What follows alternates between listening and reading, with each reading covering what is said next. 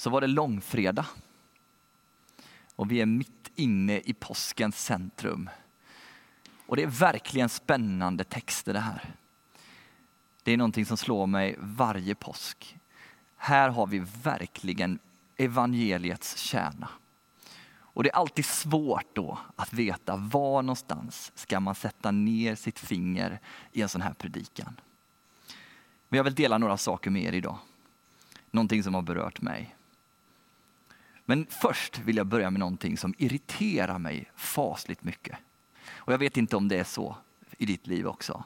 Men en av de saker som gör mig allra mest irriterad, det är när datorer krånglar. Alltså när man precis ska ut på det där viktiga Zoom-mötet och burken bara står och tuggar och tuggar och tuggar.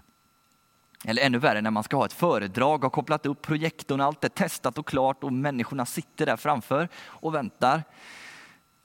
Och så kommer ingen signal. Och det sprider sig en sån här susande osäkerhet där någon försöker dra ett skämt och det blir bara ännu värre. Då tycker jag det är fruktansvärt frustrerande. Och för några år sedan så hade jag en dator som inte gjorde någonting annat än att krångla.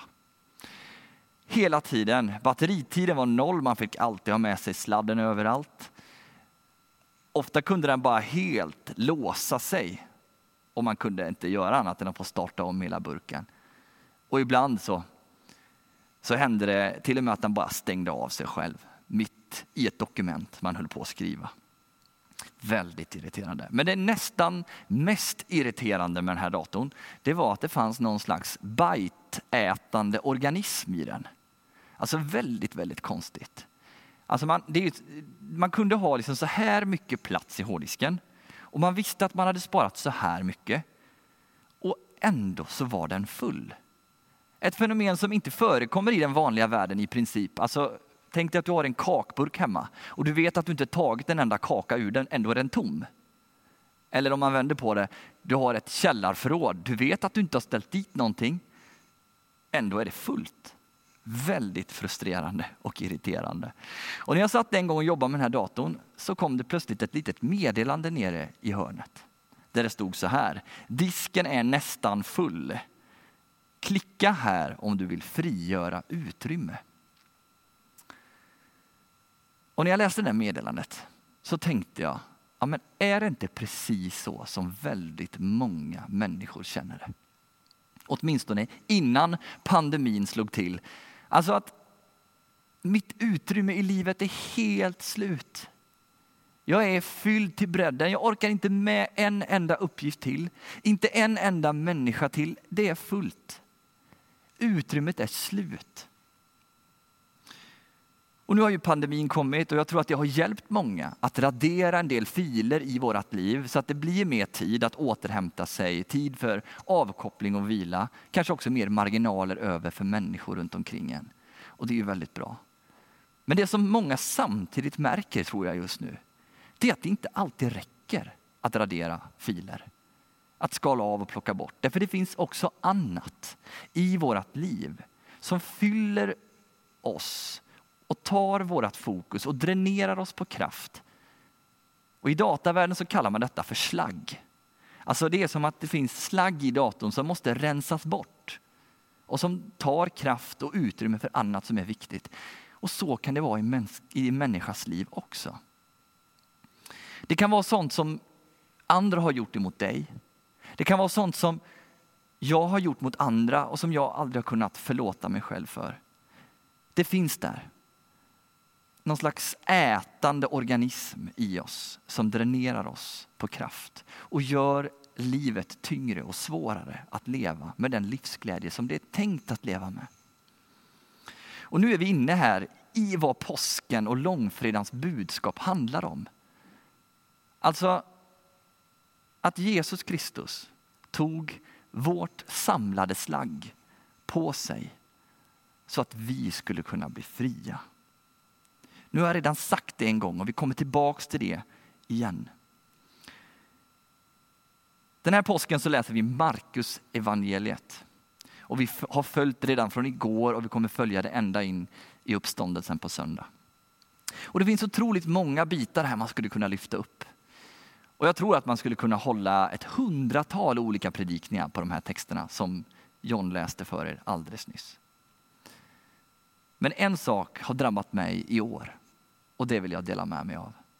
Och det är den förfärliga övergivenhet som Jesus drabbades av i den här stunden och kring den här stunden.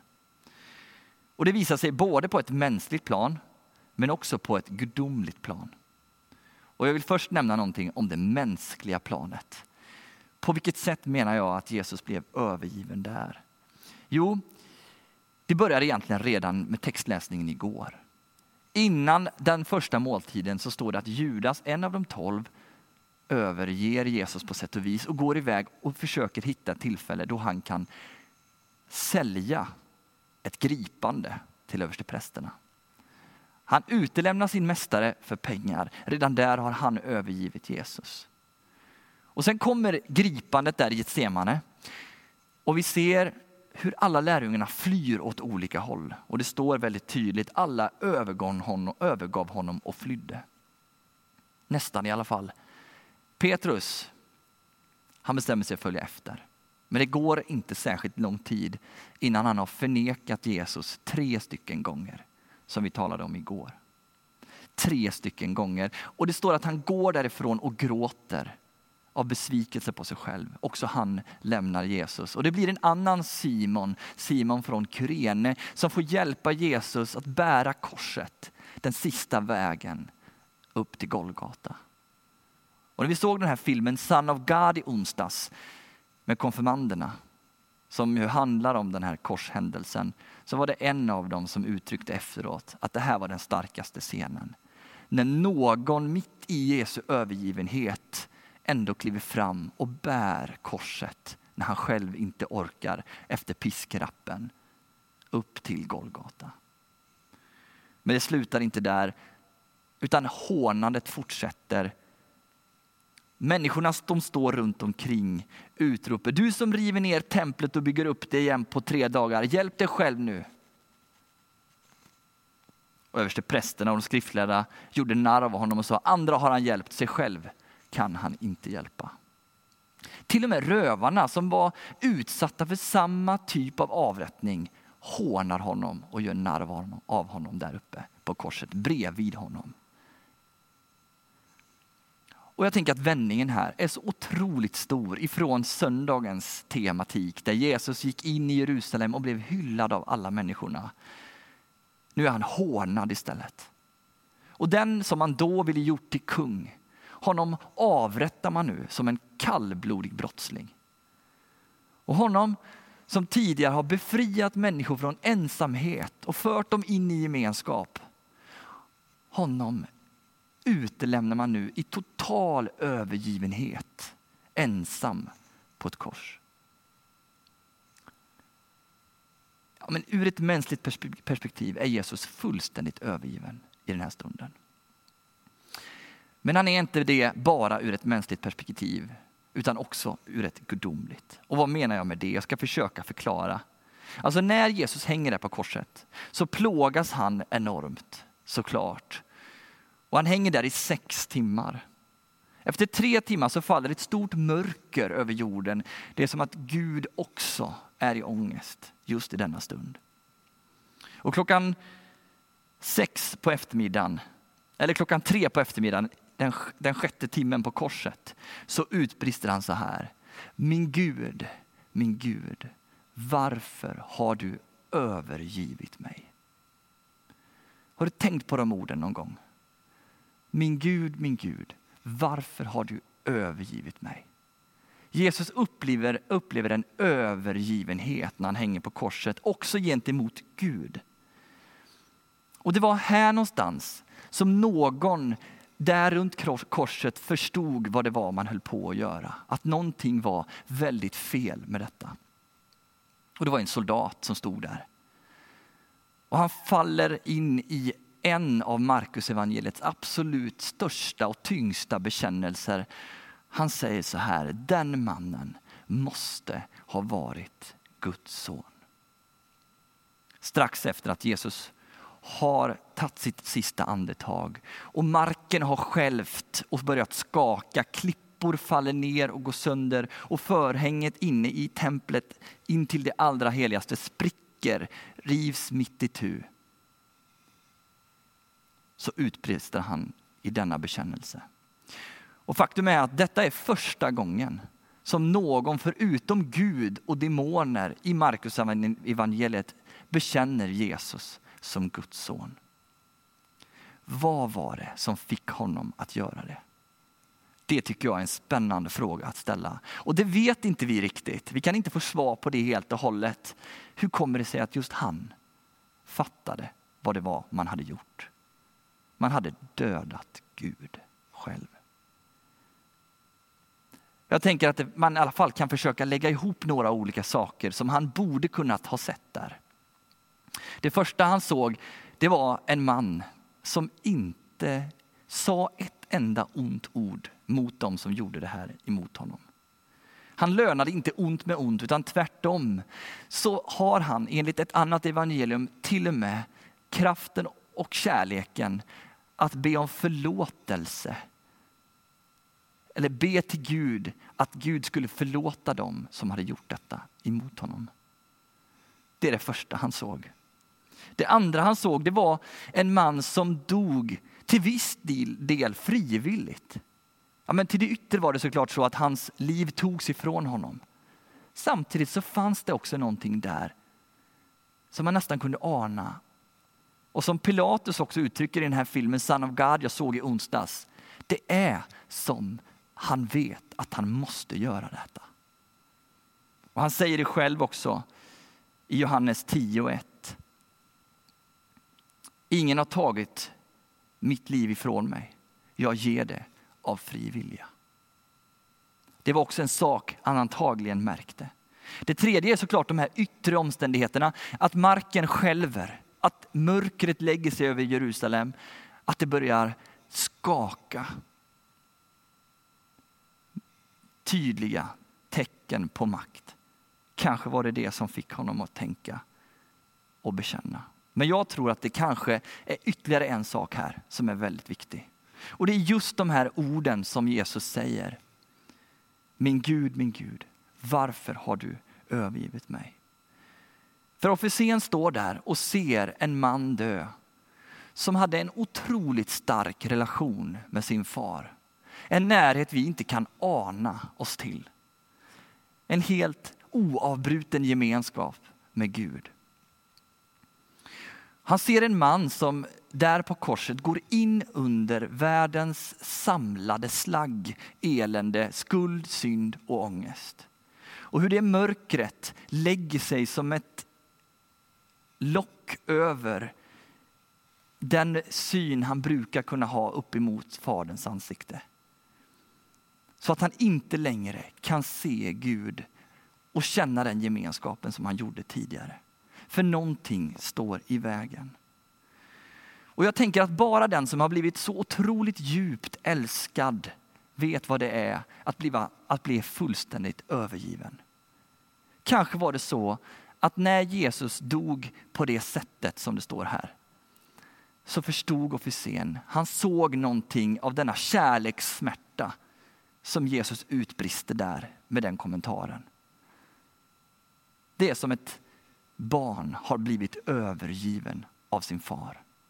Och det var precis det som hände.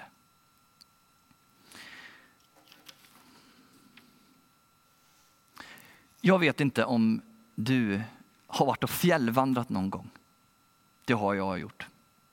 Och en av de sakerna som är lite speciella med det, det är att man är ofta ute länge och det finns ingenstans där man kan ta in på en liten stuga och ja, men fixa käk över någon bra liten spis eller sova någonstans eller så, utan man får ha allting med sig i sin ryggsäck. Och man kan packa den där ryggsäcken ganska full. Jag minns första gången jag var ute på en längre fjällvandring med mina vänner. Vi stod runt en våg och den visade 16 kilo. Jag tänkte det är väl ingen fara och jag tog på mig den här ryggsäcken och den kändes inte så värst tung. Och vi gav oss ut och skulle vara ute flera dagar. Men redan efter några timmar så kände jag hur det där började tynga väldigt mycket. Alltså att det, det, det liksom verkte i muskler jag inte visste jag hade och det stramade åt och slet här över, över, över nacken. Och när vi väl kom fram till första pausstället och skulle göra mat och jag fick spänna loss de här remmarna och sänka ner väskan och sätta den på marken. Och då kände jag mig så ofattbart fri. Det var som att jag blev flera kilo lättare och det blev jag också. Och att jag kunde springa och, och liksom göra det som jag ville. Det var en befrielsekänsla. Det kan vara tungt att bära på saker rent fysiskt, särskilt om man måste bära på det länge. Men det är betydligt tyngre att bära på någonting här inne under lång tid, i hjärtat, än vad det är att bära det över sina axlar. Precis som en dator samlar på sig slagg längs vägen så gör vi människor också det. Det finns saker i våra liv som dränerar oss på kraft. Saker som vi har gömt in, stängt in någonstans och som vi helst inte vill komma åt eller ta i. Och som är tunga för oss att bära. Och utan att vi märker det så tar det energi och livslust från oss. Hur frigör man utrymme i en människas liv? Jag tror såklart att man kan samtala med människor och det behöver vi göra. Vi kan ta en del av detta upp på bordet och prata med andra människor om det och det kan hjälpa oss. Det ska inte underskattas. Samtidigt är det så att en del saker kan vi prata om hur länge som helst och vi blir inte fria från det ändå. Och då är det så, om vi talar dataspråket igen, att upphovsmannen som gjorde datorn och operativsystemet har satt in ett system här som gör att man faktiskt kan klicka på en knapp och det rensar en hel del massa gammal skit och slagg som gör att det frigörs utrymme. Jag tänker att det är samma sak i våran värld. Gud är upphovsmannen och han har faktiskt genom Jesus-händelsen som vi är inne på idag satt in ett system som gör att vi kan få frigöra utrymme i våra liv. Och vi är många som har fått uppleva det någon gång. Att vi har fått ta emot förlåtelse och vi får lägga av oss bördor vid Jesu kors. Och att det faktiskt kan göra att livet känns lättare. Att den som har allting i sin hand förlåter mig. Det hjälper mig att också förlåta mig själv. Och Jesus säger så här vid ett tillfälle, och ni har säkert hört det hundra gånger förut i Matteus 11.28. Kom till mig alla ni som är tyngda av bördor. Jag ska skänka er vila. Bördor. Ett ganska svårt ord och för ungdomar får jag ofta förklara det. Men det är en tyngd som tynger ner ditt liv. Som du kan få lägga av dig och ge till Jesus. Han frågar efter det och du får göra det om du vill. Om officeren i den här texten som jag tänker måste varit ganska så här känslomässigt avtrubbad efter alla avrättningar han har fått vara med om. Ändå hade förmågan att där och då ja, men förändra sin världsbild och se att mannen som hänger där på korset, det är ju Gud. Det är ju Gud som hänger där och han gör det därför att han älskar oss.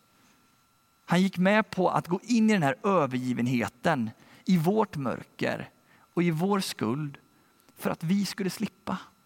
Om han kunde se det där, då tänker jag att du också och jag också kan se det. Och kanske vi också, om vi behöver förändra vår världsbild, kan göra det.